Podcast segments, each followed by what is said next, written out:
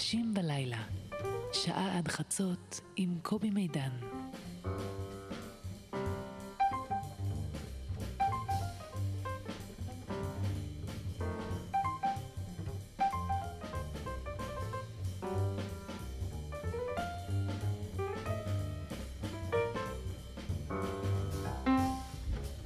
אומר לכם אה, שני דברים אה, לפתיחת התוכנית לילה טוב, זה לא קשור לשני הדברים, לילה טוב ואנשים בלילה. אומר לכם דבר על האימפריה הגדולה ועל הגורה הקטנה. ראשית, על האימפריה הגדולה. אה, מקובל להגיד שארה"ב מהססת, היא לא קובעת מדיניות, היא מפסידה את המזרח התיכון, היא מפסידה את טורקיה וכולי. אני, בתור מדינאי ככה קטן, מוצא הרבה חינניות בהיסוס האמריקאי. מוצא, מוצא הרבה אמ, שינוי לטובה בחוסר היוהרה, בחוסר ההתיימרות לדעת הכל מראש וכולי. וכנראה שדבריי לוקים בנאיביות גם כאן, אבל אני חושב שההיסוס האמריקאי, יש בו חן. עד כאן האימפריה ומכאן לגורה. רוצה אני לומר לכם שברגע שראית את הגורה, אבוד לך. כלומר, ברגע שאתה אומר לעצמך שראית את הגורה, אבוד לך. או נגיד שהבן שלך ראה אותה, או הבת. זאת אומרת, שכנה א' אמרה שהגורה נטושה, ושהיא ראתה אפילו מישהו מנסה לבעוט בה. ושכנה ב' אמרה, אם ככה תביאי אותה לחדר המדרגות, ואני אטפל בה. ושכנה א' אמרה מצוין, והביאה, ואפילו קנתה מטרנה לחתולים בהרבה כסף, כי הגורה בסך הכל בת עשרה ימים, והיא לא אוכלת לבד. ואז בעצם התברר שלשכנה ב' אין מושג מה עושים עם גורה בגיל כזה. והבת שלך ראתה, ולכן גם אתה ראית, ו... ומכאן לווטרינרית ולטפטפת ולסלסלה בחדר השינה והאכלה כל שלוש שעות והודעה בפייסבוק אם מישהו רוצה והפחד להתקשר אל הגורה ומה יהיה אם לא נמצא. וכל כך עדיף לפעמים לא לראות, אה? או לפחות להגיד לעצמך שלא ראית, או לא להגיד שראית, ולהמשיך לחיות. ומכיוון שכל המדובר כאן קרה היום, הבנתי פתאום, אני רוצה לספר לכם, שבדרך כלל אני נורא מצליח להגיד לא להגיד לעצמי שראיתי, או להגיד לעצמי שלא ראיתי. לא ראיתי מצוקה, לא ראיתי סבל, לא ראיתי עוול, עד שהגיעה הגורה.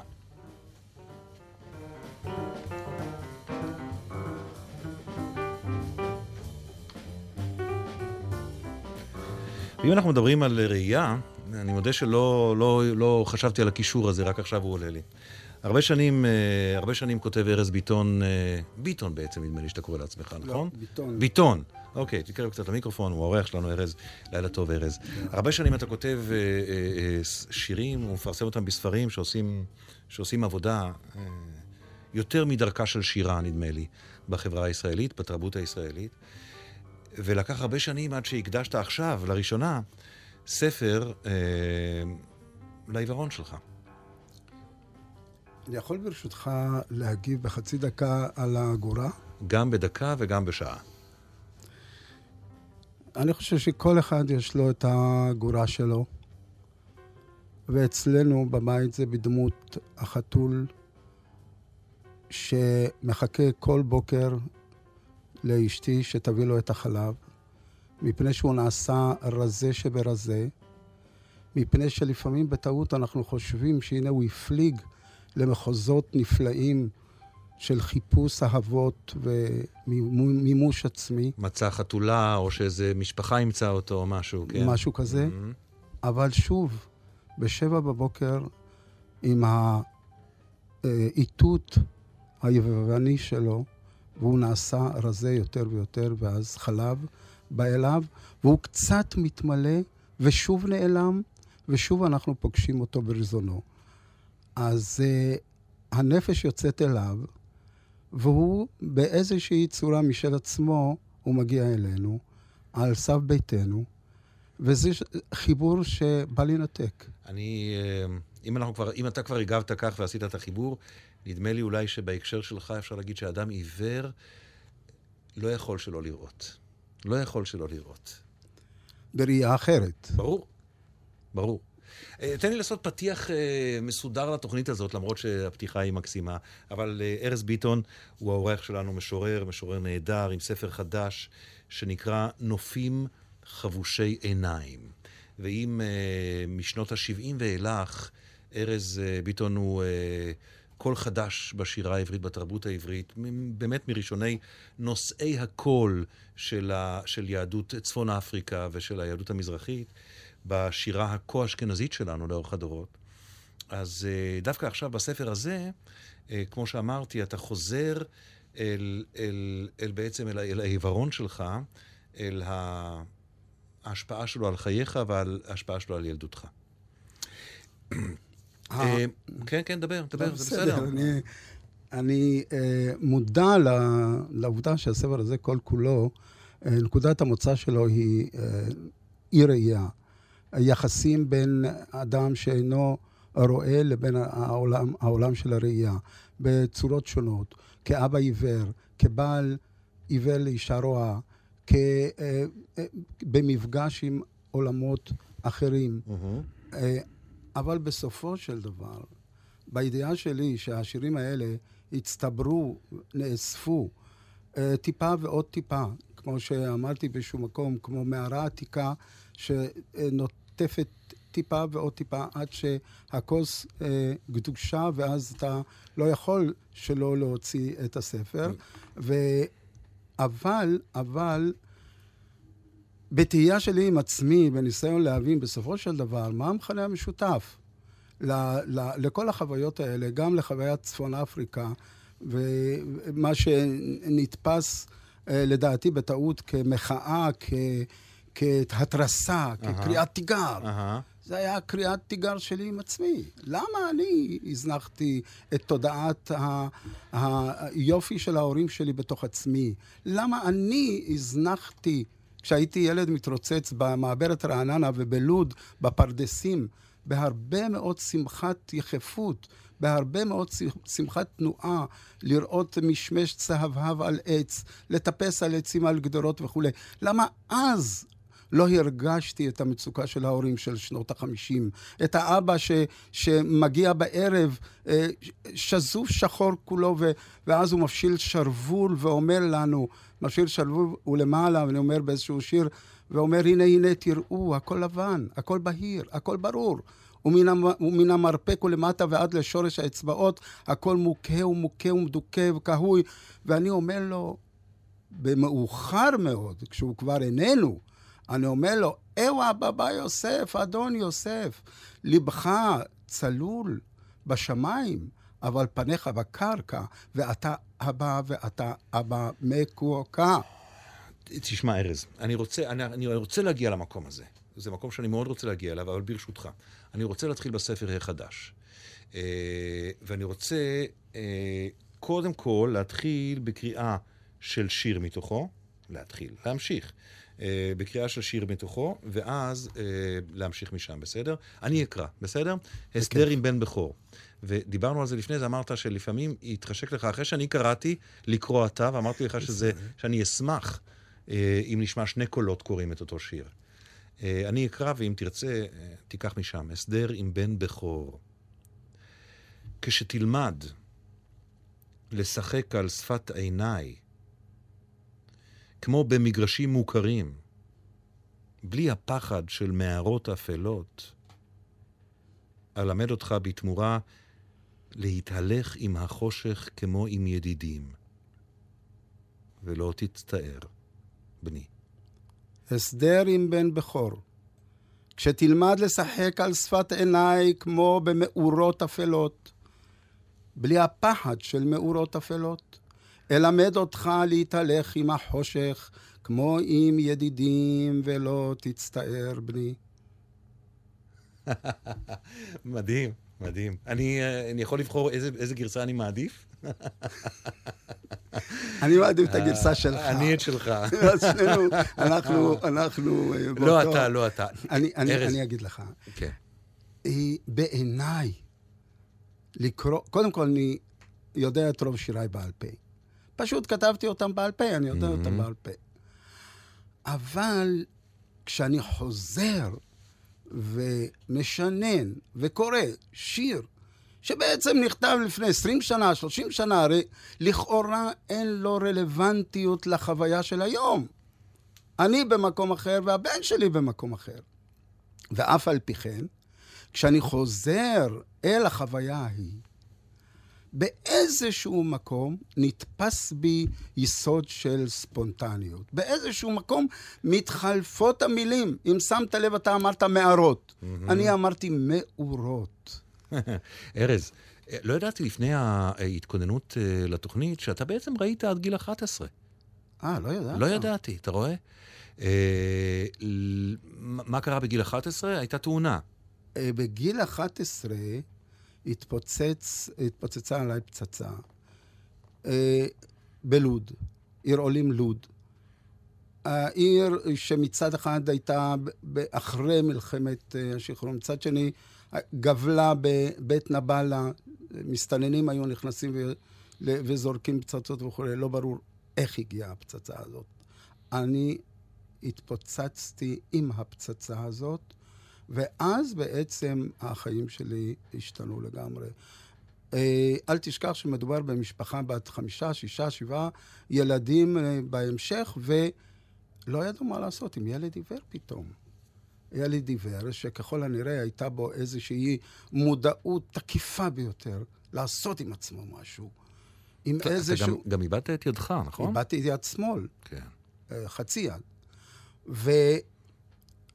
ולחצי יד אנחנו נגיע יותר מאוחר, למה זה, זה משמעותי. אה, זה, היה, זה משמעותי בבית חינוך עיוורים, כשביקשו לתת לי לנגן פסנתר או לנגן כינור, ולא יכולתי. ואז הייתי עומד ליד הפסנתר המום מיופי, שהחברים שלי ניגנו את הפתטיק של בטהובן, כשניגנו אה, מוזיקה מופלאה בכינור, והמורה לפסנתר לא ידעה מה לעשות עם עצמה ואיתי. אתה כל היום פה דבוק לי לפסנתר שהילדים האלה לומדים. אתה יודע מה? הגברת מירה הייתה אומרת, בוא ואנסה עליך שתנגן ביד אחת. ואצבע אחת בדו ואצבע אחת בשיא, ואתה תנסה לנגד את שוברט, את דג השמך. תגיד רגע, אני רוצה לחזור רגע אחורה לפציעה. אה, אתה זוכר זיכרונות שלך כילד רואה, נכון? אתה זוכר את עצמך רואה, אתה זוכר מראות. אני מנסה לחשוב שאולי המצבור הזה של געגוע לשנים של הראייה, שהן בעצם השנים המעצבות ביותר mm-hmm. את האני, את הנפש, אה, חוזרות אליי במכות קטנות בתודעה, לנסות שוב לגעת באותן, באותן מראות. רגע, חשוב לי קונקרטית, תכף אני אגיע לשם, חשוב לי קונקרטית, אתה זוכר צבע, מראה, אני זוכר... את מראה פני הוריך, אתה זוכר? אה, אני תמיד אומר שאם עכשיו הייתי רואה, הייתי יכול להגיד לך מיד מה צבע עיניך. אגב, מה צבע עיניך? אה, חום?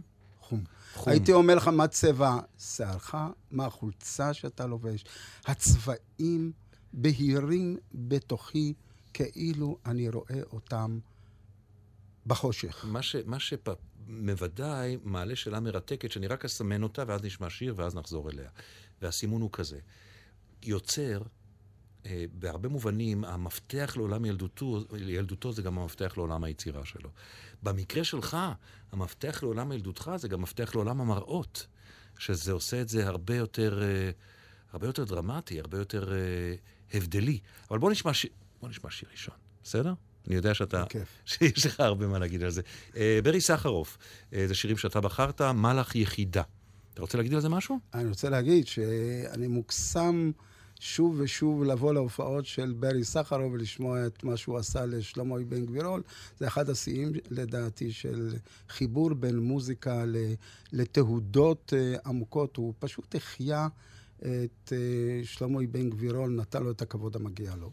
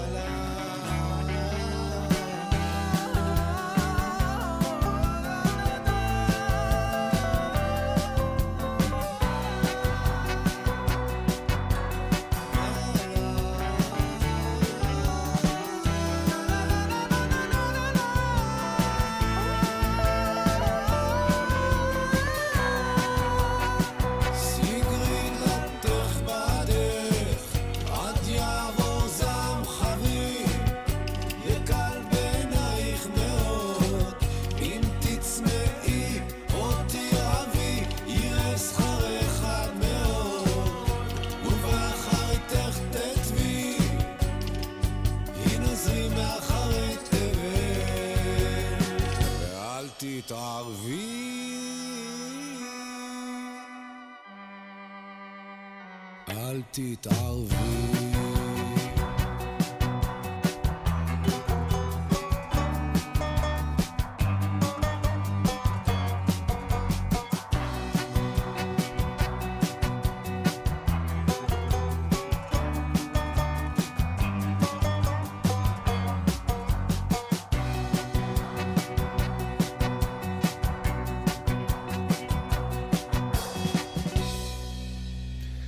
חיבור נדיר, באמת חיבור נדיר של אה, ברי סחרוב עם, ה, עם הטקסטים האלה בני אלף השנה. ארז ביטון הוא האורח שלנו אה, באנשים בלילה הלילה עם ספר חדש ששמו אה, נופים חבושי עיניים. רצית להגיב על מה שאמרתי לפני, ה... כן, לפני רציתי השיר? להגיד כן, לגבי אוקיי, הילדות אוקיי. הרועה שלי, כן? יש לי שיר, הייתי, כשהייתי ילד של אור, הצבעים תתאפקו על אישוני עיניי, פתח פתח, מתחרים ביניהם כחול בתוך כחול, באדום, והצמרות דחקו בי עלה עלה להתחבק איתנו בגבהים. השיר מנסה אה, לתת איזושהי גאולה, איזושהי פדות, איזשהו אה, ניסיון של אה, התרה של, של הפלונטר הזה, של, של, של ראייה שהייתה. ואני אומר, יש לי עוד ילדות. זאת אומרת, הילדות שהתחילה בגיל 11, אחרי שהתעוורתי, mm-hmm. ושתי הילדויות האלה מתנגשות זו בזו, מכות זו זו לפעמים, אבל גם חיות בהרמוניה, רוצות לדבר אחת עם השנייה. ולכן רגע אני עכשיו כרגע כותב את השירים שבאו מהילדות השנייה. ברור. אבל דבר איתי רגע על התפר שבין שתי הילדויות. זאת אומרת, בן בכור למשפחה, שאך לפני כמה שנים עלתה מ... אומנם מ- מאלג'יר, אבל מקורה בעצם הוא מ... כל ה- ממרוקו, אה, עולה ל- למעברה ואחר כך מגיעה ללוד. לא חיים קלים, לא חיים פשוטים, ואז הבן הבכור בתאונה קשה מאוד, מאבד את מאור עיניו, מאבד את ידו, או חצי ידו. איך המשפחה מגיבה? אה, אה, אני יכול רק להגיד לך שהקרובים שלנו בחוץ לארץ, כששמעו את זה, גזרו על עצמם לא לאכול בשר חודש. אתה מבין מה המשמעות? המשמעות שמת מונח לפנינו. ולכן אנחנו מתאבלים על, על, על הילד הזה שהוא נגרם מתוכנו. ואז הייתי צריך, הייתה המשפחה צריכה להחליט האם לגרוע אותי מתוכה, לנתק אותי, לשים אותי בית חינוך עיוורים בירושלים. אה, סע לדרכך, נשא את מזלך בעולם. או לאמץ אותי על ליבם בתוך בית חצי הרוס בלוד, ולנסות לראות מה עושים איתי, במציאות שלא הייתה שום מסגרת שיכולה הייתה לתת לי איזשהו פתרון חינוכי לימודי. במילים פשוטות, אחרי שכבר האסון קרה, אז קרה גם נס, שניתקו אותי על כורחי, זה מין... אתה אומר, זה נס שהעביר אותך לבית אה, לבית חינוך עיוורים. חינוך עיוורים אבל לא, לא. היה לך, זה לא היה מכה על מכה? לעזוב זה היה- שנה אחרי ההתעברות את הבית, את המשפחה, להגיע למקום זר? זו מכה שלא נרפאים ממנה אף פעם, לפי דעתי. כי כל פרידה, כל פרידה היא סוג של... אה, אתה. הבנת אותם או כעסת עליהם? אה, אני שמחתי שמחה גדולה שיכולתי להתהלך ברחובות, אני קורא לזה סמטאות רחובות של המוסד הזה, בית חינוך עיוורים, לרוץ כמו ילדים עיוורים אחרים, לדלג, ליפול, לקום, לדעת היכן מתחילה המדרגה, להתחיל ברייל. היו בערב הראשון שמו לי יד על דף ברייל, ואני תמהתי בליבי אם אני אדע אי פעם לקרוא ברייל, וצחקו, אמרו, אתה תוך חודש תדע כבר לקרוא ברייל, וכך היה. לימים אתה תעשה, לא רק תלמד ברייל, אתה תעשה תואר ראשון ותעשה תואר שני ו- ו- וכולי. אבל אני רוצה לקרוא, שלא כפי שדיברנו בזמן השיר, שיר אחר, ברשותך, כי אנחנו הגענו לבית חינוך עיוורים. אה, אני אקרא שיר ואתה מוזמן להתערב לי מתי שאתה רוצה. אה, משפחות בבית חינוך עיוורים בירושלים. שוב, מתוך חטיבה מהספר החדש, שמוקדשת לשנים שלך בבית חינוך עיוורים. ואנחנו ילדים בבית חינוך עיוורים בירושלים. תופסים שבעה ילדים בילד אחד ואומרים לו, תהיה אתה אבינו. ואומרים לה, תהי את אימנו. ונתקלים גוף ילד בגוף ילד לאסוף חום. במראית עין של היתקלות. ועושים משפחות משפחות, וקוראים לילד אחד אבא שלום, ולילדה אחת אמא שושנה, ולילדה אחת הייתי קורא אחותי אחותי רחל, ולילד אחד אחי אחי יוסי. כך היינו עושים משפחות כאילו. ואנחנו ילדים. בבית חינוך עיוורים בירושלים. ואז התחיל לנבוע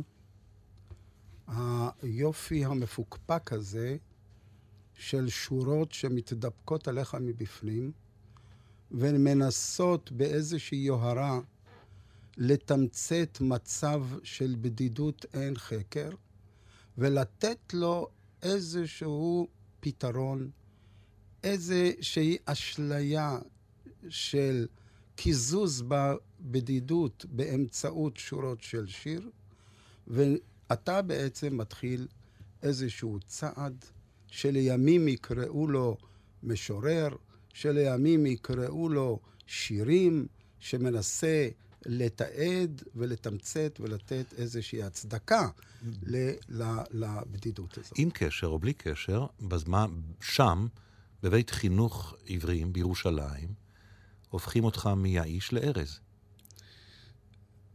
זה הדברים שקשורים לתהליכים שעוברים עליך בלי דעת ובלי הסכמה, וככל שאתה ילד יותר, קובעים לך גם מה תלבש ומה תאכל ואיך יקראו לך. לימים אני הסתגלתי, כמו שמסתגלים לחליפה, לשם ארז, והנה תראה, יאיש מתנקם בי. אוקיי. איפה הוא צץ? איפה? הוא צץ באמי לא חיו לה ילדים, שנכתב רק לפני שנים אחדות, בספר הקודם. לאמי לא חיו לה הילדים לאמי. הראשון לא חי לה הראשון שקראו לו דוד על שם אביה. השני לא חי לה השני, שקראו לו מאיר על שם רבי מאיר בעל הנס ולא היה לו נס לחיות.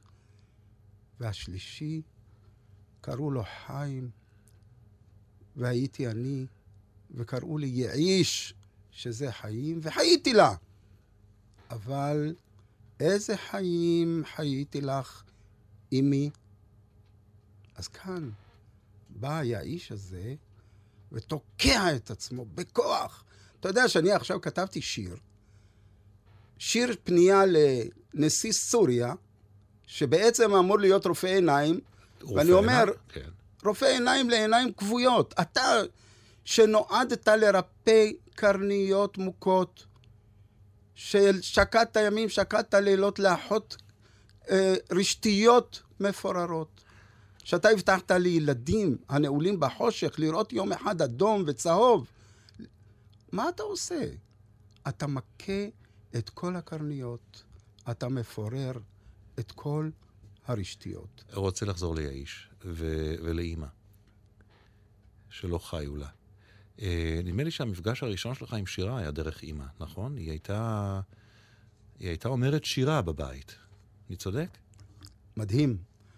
האימא שלנו אה, הייתה אוספת אותנו בערבים, בייחוד בערבי חורף.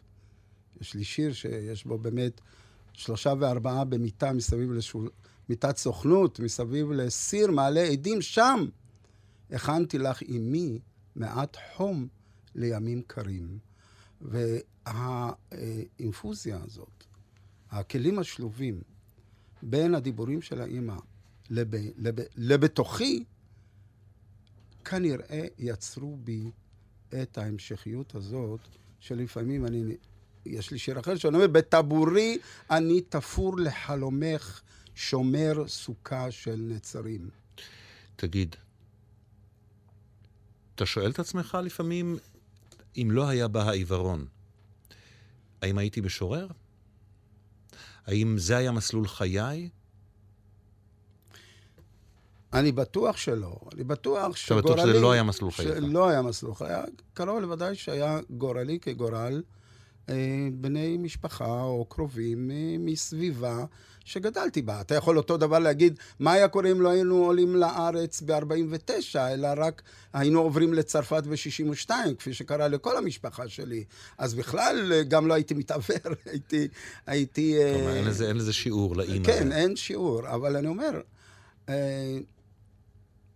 עיוורון לא, לא מבטיח להיות משורר. ברור, ברור, ברור, ברור, ברור. כל עניין של הקשר. טוב, בוא נשמע שיר שני, בסדר?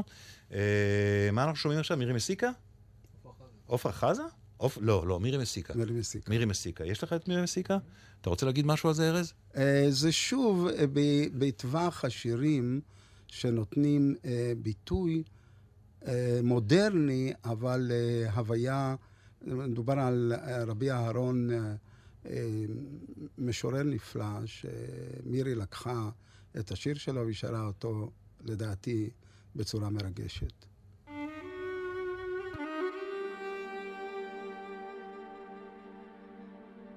אהוב נחמד זיוי שונים, הגיע את הניצנים, אהובי קום הלך לראות פגנים, ללקוט שושנים,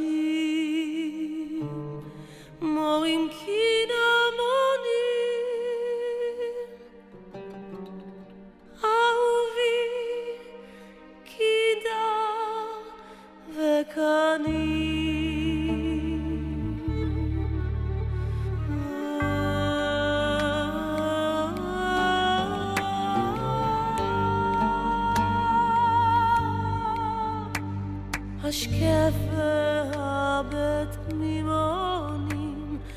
כי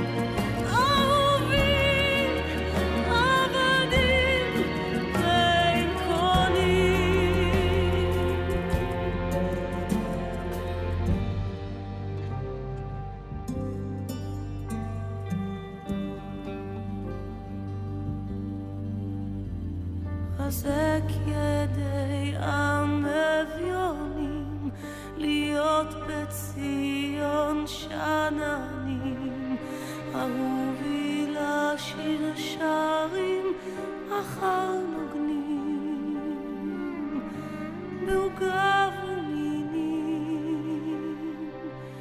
בשמחות סוסנים.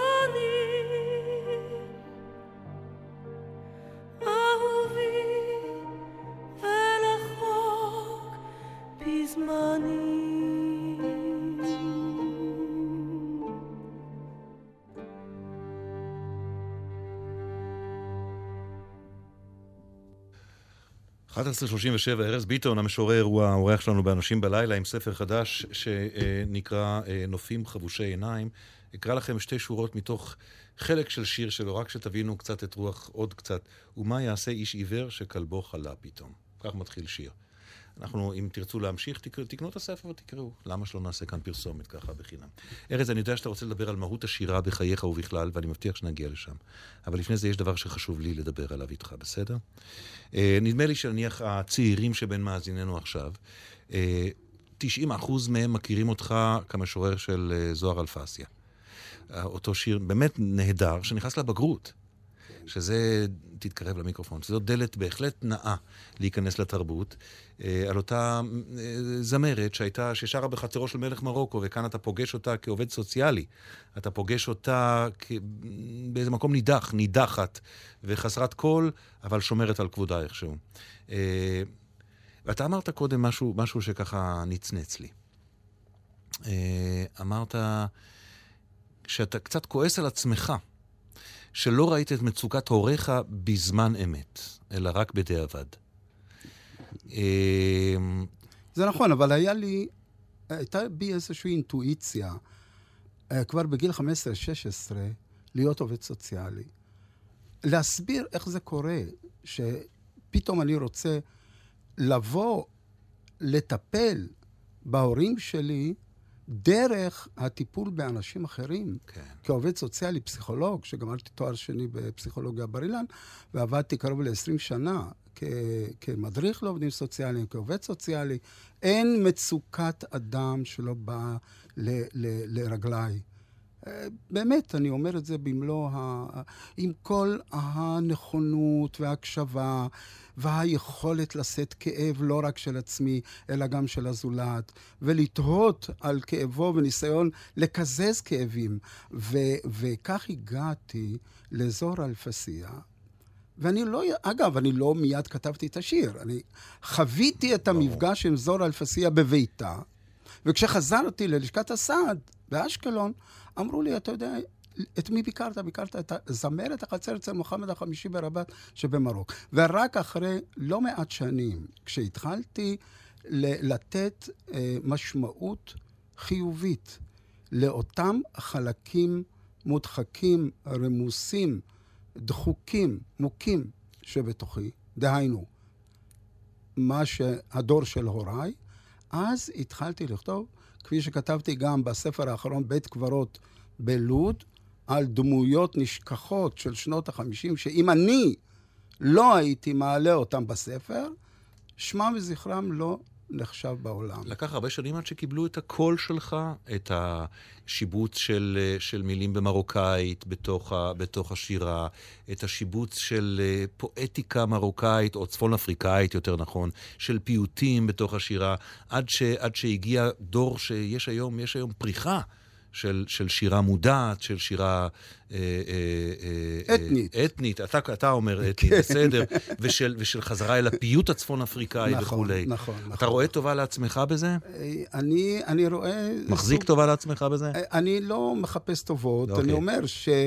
אה, אני שמח שיש לגיטימציה יותר גדולה לאותם אה, חלקי זהות ש, שהיו אה, לא כל כך מקובלים וכולי. כשאני כתבתי בפעם הראשונה, אגב, גם לגבי זור אתה אלפסיה, כתבת, אתה יודע, לתוך, אני זוכר את זה עוד כקול חדש.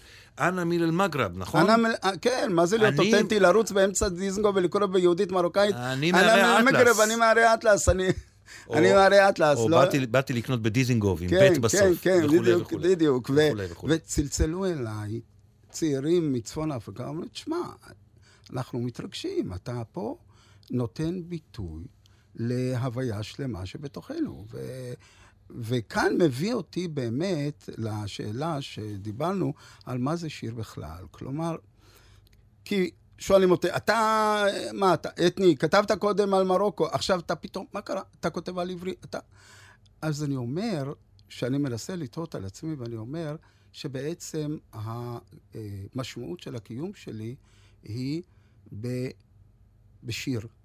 היא היכולת, אני תמיד נזכר מאיזשהו טקסט יפהפה שמסתובב לו בעולם, שאומר, פחות או יותר אומר, הזמיר רק מצליל קולו, כשהוא מתחיל לשיר, הוא יודע שהוא קיים. ואני חייב להגיד, בלי הגזמות, כך אני מרגיש, שאני קיים בעיקר כשאני מוצא בתוכי את הביטוי השירי הרלוונטי של אותו רגע. אני רוצה להגיד לך, גם בפגישה הזאת שלי איתך, אני מרגיש קצת יותר קיים.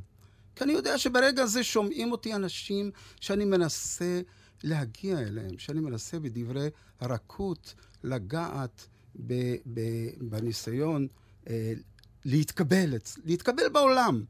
יש כמובן בכלל סוג של מגיה, שידור בכלל הוא סוג של מגיה, שאתה מדבר עם אנשים שאתה לא יודע מי הם, מה הם, ואתה יודע שאתה חודר לליבם בזה הרגע. והשיר, ככל שהוא פתאומי, וככל... כי העיוורון הוא תוכן. השירים הצפון אפריקאים הם תוכן. שירי אהבה שעוד לא יצאו כספר והם מצויים אצלי בהצטברות של שנה ועוד שנה, הם תוכן. אבל קווי המתאר, חוטי התפירה, הרציונל של הקיום בת, בתמצית שלו, זה היכולת לתת ביטוי לסיטואציה העכשווית באמצעות מיטב השיר. אני אגיד לך איזה ציטוט עולה בי למשמע דבריך. יונה וולך כתבה פעם באחד השירים שלה, היא כתבה, ראיית האומנות כמעשה מגנת על החיים כולם. אה, זה מדבר אליי. תאר לעצמי. בכלל, אה, יונה וולך מדברת אליי. ואתה יודע למה היא מדברת אליי? מפני שהיא שמה את הידיים בקישקה. היא לא נרתעת, כי בסופו של דבר, אם אתה לא מוכן לפרום את עצמך ולחשוף, אבל זה סוג של חשיפה ש, שהאסתטיקה הלשונית וההיבט הלשוני נותן לך אליבי, נותן לך איזשהו מרחב הצידוק. ארז, אני, אני, אני, סליחה שאני קוטע אותך, אני כן רוצה לחזור למה שאתה קורא תוכן. אתה עושה את ההפרדה בין התוכן לבין הרקמה הזאת עדינה שהיא שירה. אבל אני כן רוצה לחזור לתוכן, ברשותך. אה, כאדם שהתחיל לפרסם שירה אחרי ש... שבעצם היה בפנתרים השחורים. אתה מחפש את המים, הם פה. הנה.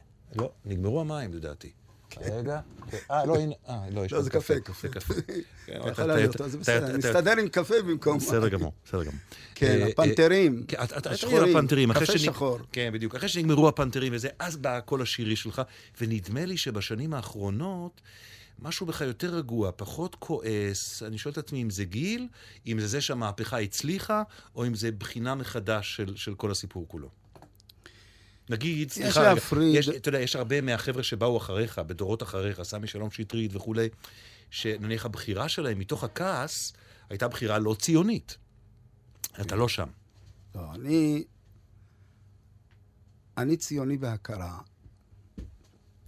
אם אנחנו כבר עוברים משירה ומדרכי ביטוי... לאו דווקא, אני, אני, אני באמת שואל לגבי, ה, לגבי אני ה... אומר... הכעס, אני, מה קרה לכעס עם השנים? אני ציוני למרות הכעס, ולמרות ההכרה בעוולות, ואני אני מרגיש שלפעמים האזרח הוא יחיד אבוד. אה, זאת שלוקחים אותה מהבית כי לא שילמה משכנתה קטנה או דברים כאלה, לא רוצה...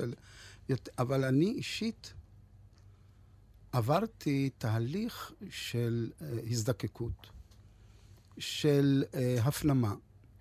אולי בגלל גיל. אני מודע להרבה משוררים צעירים ולהרבה תופעות, בעיקר בערי פיתוח, של uh, מצוקה זהותית מאוד גדולה, של כאבים. אתה יודע, נורא מעניין, Mm-hmm. שיש הרבה מאוד נישואי תערובת. מהמם. אתה אומר, אה, נישואי תערובת? יופי. נכון. זה פותר את הבעיה. פתאום אתה רואה משוררים, בני תערובת, שהם מכים בשאלת הזהות בכל הכוח. מה אני?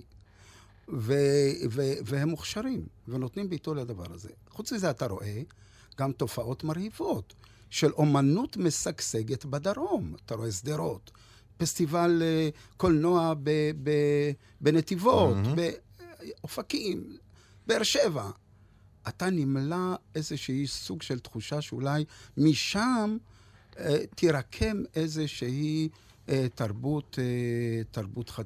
נוספת, לא אומר חדשה, אבל, אבל אה, בצד, בצד האינפורמציה שבאה אליי דרך המשוררים האלה, או האנשים שאני פוגש גם ברחוב, ובאים אליי, עדיין אני משמש להם אה, פה ושופר למצוקות הזהותיות ולקונקרטיות שלהם, ואני אבל, עובדה, נופים חבושי עיניים. אני מדבר עם הבן שלי, אני אומר לו, כדי להידמות אליי, אתה מאמץ לך משחק של עיניים כבויות, ואת המקל אתה מעביר מיד ליד לכל ילדי השכנים. ממך אלמד להתהלך בין גישושיי הכבדים, כמו עם ידידים. אבל מחשבה נוספת כרגע שעלתה לי, יכול להיות שאני מעז, מעז לגעת בכאבים הרבה יותר עמוקים מהכאבים המשפחתיים או הכאבים השבטיים, או איך שתקרא להם. הדתיים. אלה כאבים גופניים. הכאבים שנובעים, העלבון הגופני. אתה יודע שכאשר אה, התעברתי בבית החולים, ושכבתי עם עיניים חבושות, ואני לא ידעתי שאני לא רואה.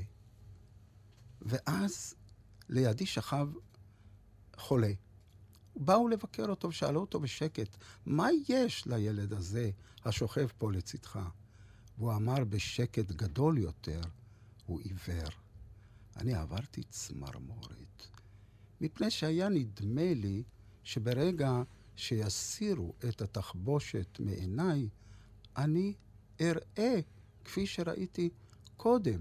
ועכשיו אני אומר לך, שלפעמים אני חושב שקו התפר בין ראייה ללא ראייה זה אותו ערב, ערב לפני הפציעה, שראיתי קולנוע, בקולנוע תרבות בלוד, קולנוע חדש שאז רק נפתח, וכרגיל אנחנו התפלח, התפלחנו לתוך הקולנוע, כי לא היה כסף לשלם, ואז ראיתי על המסך, בתימהון של יופי, את טרזן, את הקוף ואת הכלבלב המשחק, וזוהי התמונה האחרונה שנשארה בי מדהים. מעולם הראייה. מדהים. אמ, פו. אמ, ביקשת שיר נוסף של אריק, אה, אריק, אריק ברמן. אה, הזכרנו את השיר של הקנייה בדיזינגוף, נכון? כן. וזה שיר שבעצם היווה לו השראה. ספר. ספר ואז נשמע את השיר שלו, בסדר? אריק יום אחד, המוזיקאי אריק ברמן הידוע, צלצל אליי ושאל אותי אם אני יכול לבוא להופעה שלו בזאפה תל אביב ולקרוא את השיר שכתבתי לפני הרבה שנים, שיר קנייה בדיזנגוף, שתיעד, שהוא גם נלמד אגב בבגרות, והוא נתן ביטוי לתחושת זרות וניכור של מי שבא... אתה מדבר לד- שם על החבר'ה מרובל, שאתה לא ניגש אליהם, אתה לא יכול לגשת ניגש- אליהם. תכף אני אקרא את זה, מה- כי, כי אני רוצה ש... כי הוא שר, אוקיי. הוא, הוא עבר את אותה חוויה באמריקה. אוקיי. והוא כתב שיר שמתכתב עם השיר שלי. אני אקרא את השיר, ואחר כך טוב, נשמע אותו ברשותך. טוב. שיר קנייה בדיזנגוף. קניתי חנות בדיזנגוף כדי להכות שורש, כדי לקנות שורש, כדי למצוא מקום ברובל. אבל האנשים ברובל, אני שואל את עצמי, מי הם אנשים ברובל? מה יש באנשים ברובל? מה הולך באנשים ברובל? אני לא פונה לאנשים ברובל. כשאנשים ברובל פונים אליי, אני שולב את השפה, מילים נקיות, אתה יודע, עברית מעודכנת מאוד, והבתים העומדים כאן עליי גבוהים כאן עליי, והפתחים הפתוחים כאן בלתי חדירים לי כאן. בשעה אפלולית, בחנות בית דיזנגוף, אני אורז חפצים, לחזור לפרברים, לעברית האחרת.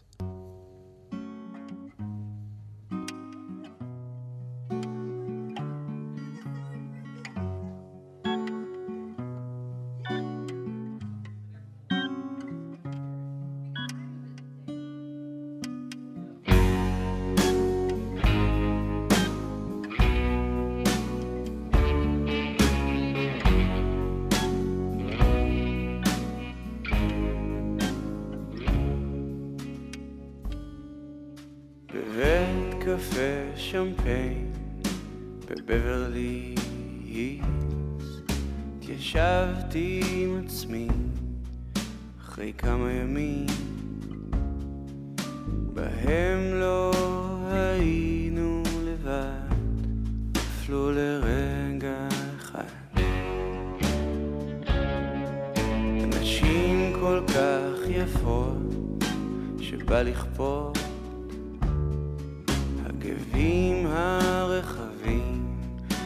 דואגים להבהיר שאין לי כאן מה להציע לאף אחד.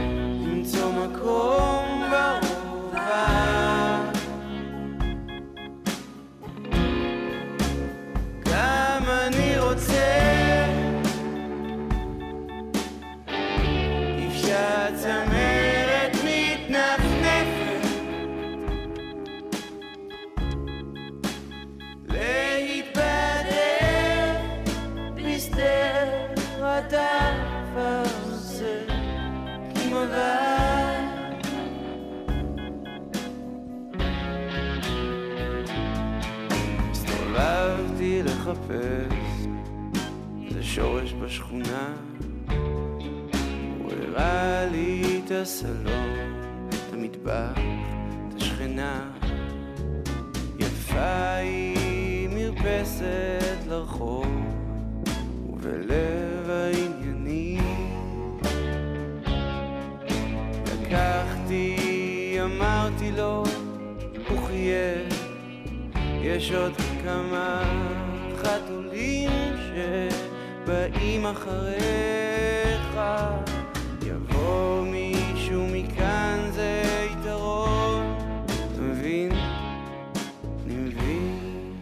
ברמן, אה, מתנצל שאנחנו קוטעים כי הזמן שלנו טס. אה, שורות הפתיחה של הספר החדש של ארז ביטון, נופים חבושי עיניים, נקרא סוסים חבושי עיניים, אקרא אותם לקראת סיום השיחה, ברשותך, בסדר? אולי אתה תגיד אותם, אתה זוכר אותם? את השיר סוסים חבושי כן, עיניים? זוכר? כן, מתי? אה, אמור. בכל איש עיוור נטוע סוס דוהר המבקש לשהות למרחקים. כי בכל איש עיוור נטוע סוס דוהר המבקש לשהות למרחקים. ארז אה, ביטון, האורח שלנו הלילה באנשים בלילה. אה, שאלון, יש לנו בסוף התוכנית שאלון קצר, בסדר? כן, כן. אם היית יכול להוסיף למקצוע הלימודים, לתוכנית הלימודים מקצוע, מה היה המקצוע הזה? אני הייתי שמח אם היו מכניסים לתוכנית הלימודים הרבה יותר אה, חינוך לסיעור מוחות, Hmm, חינוך לאהבת הזולת, חינוך לביחד, להקטין קצת את המסורת הלא כל כך פשוטה הזאת של ציונים, ציונים, מאבק אינסופי עם אשמה אינסופית אה, לאורך החיים על ציון שכשלנו בו, או טוב, על... טוב, זה טוב. דבר אחד. אוקיי. אה, שאלה בסוגריים, זה נכון שבבגרותך, מעבודתך, משכר עבודתך כעובד סוציאלי, קנית לעורך המכולת שכונתית? אה, זה דבר שאני חושב עליו בכאב גדול. כי מדוע? כשקניתי כן. את החנות בלוד, אני הייתי בטוח שאני נותן חופש כלכלי להורים, אבל היות וההורים לא? היו... כן, לא היה, אתה יודע. ששק השעועית הלך ופחת, כן, כן. ובסוף הוא שימש למושב. האם יש לך חלום בלילה שחוזר? חלום לילי יש שחוזר? לי אה, כמה חלומות. יש לי חלום אחד טוב וחלום אחד רע. חלום אחד טוב, שאני שרוי בתוך מוזיקה של כינור, וזה אחד החלומות הנפלאים ביותר, שהתת-מודע מערים על המודע ומכניס אותך לאיזושהי ספירה אה, אינסופית של יופי. החלום הפחות טוב זה הפציעה שחוזרת. חוזרת? מדי פעם, כן, ו, ועל ידי אה, חשש מסוים של פלישה מה, מהצ... מהעולם החיצוני. אה, אה, אה, הפלישה של העולם החיצוני במקרה של הפציעה הייתה טוטאלית. דיברת, דיברת על, על חלום של מוזיקה, אבל אתה רואה, אתה רואה, אתה רואה תמונות בחלומות? בחלומות אני לא יכול להגיד שאני רואה צבעים, אבל אני רואה צורות ואני חש תנועות. פחות או יותר באותם, okay. באותם חושים שאני חש את העולם, ידיים, מגע, פיזי. מה הכי היית רוצה לראות? אני הכי הייתי רוצה לראות את פניה של אשתי, ילדיי.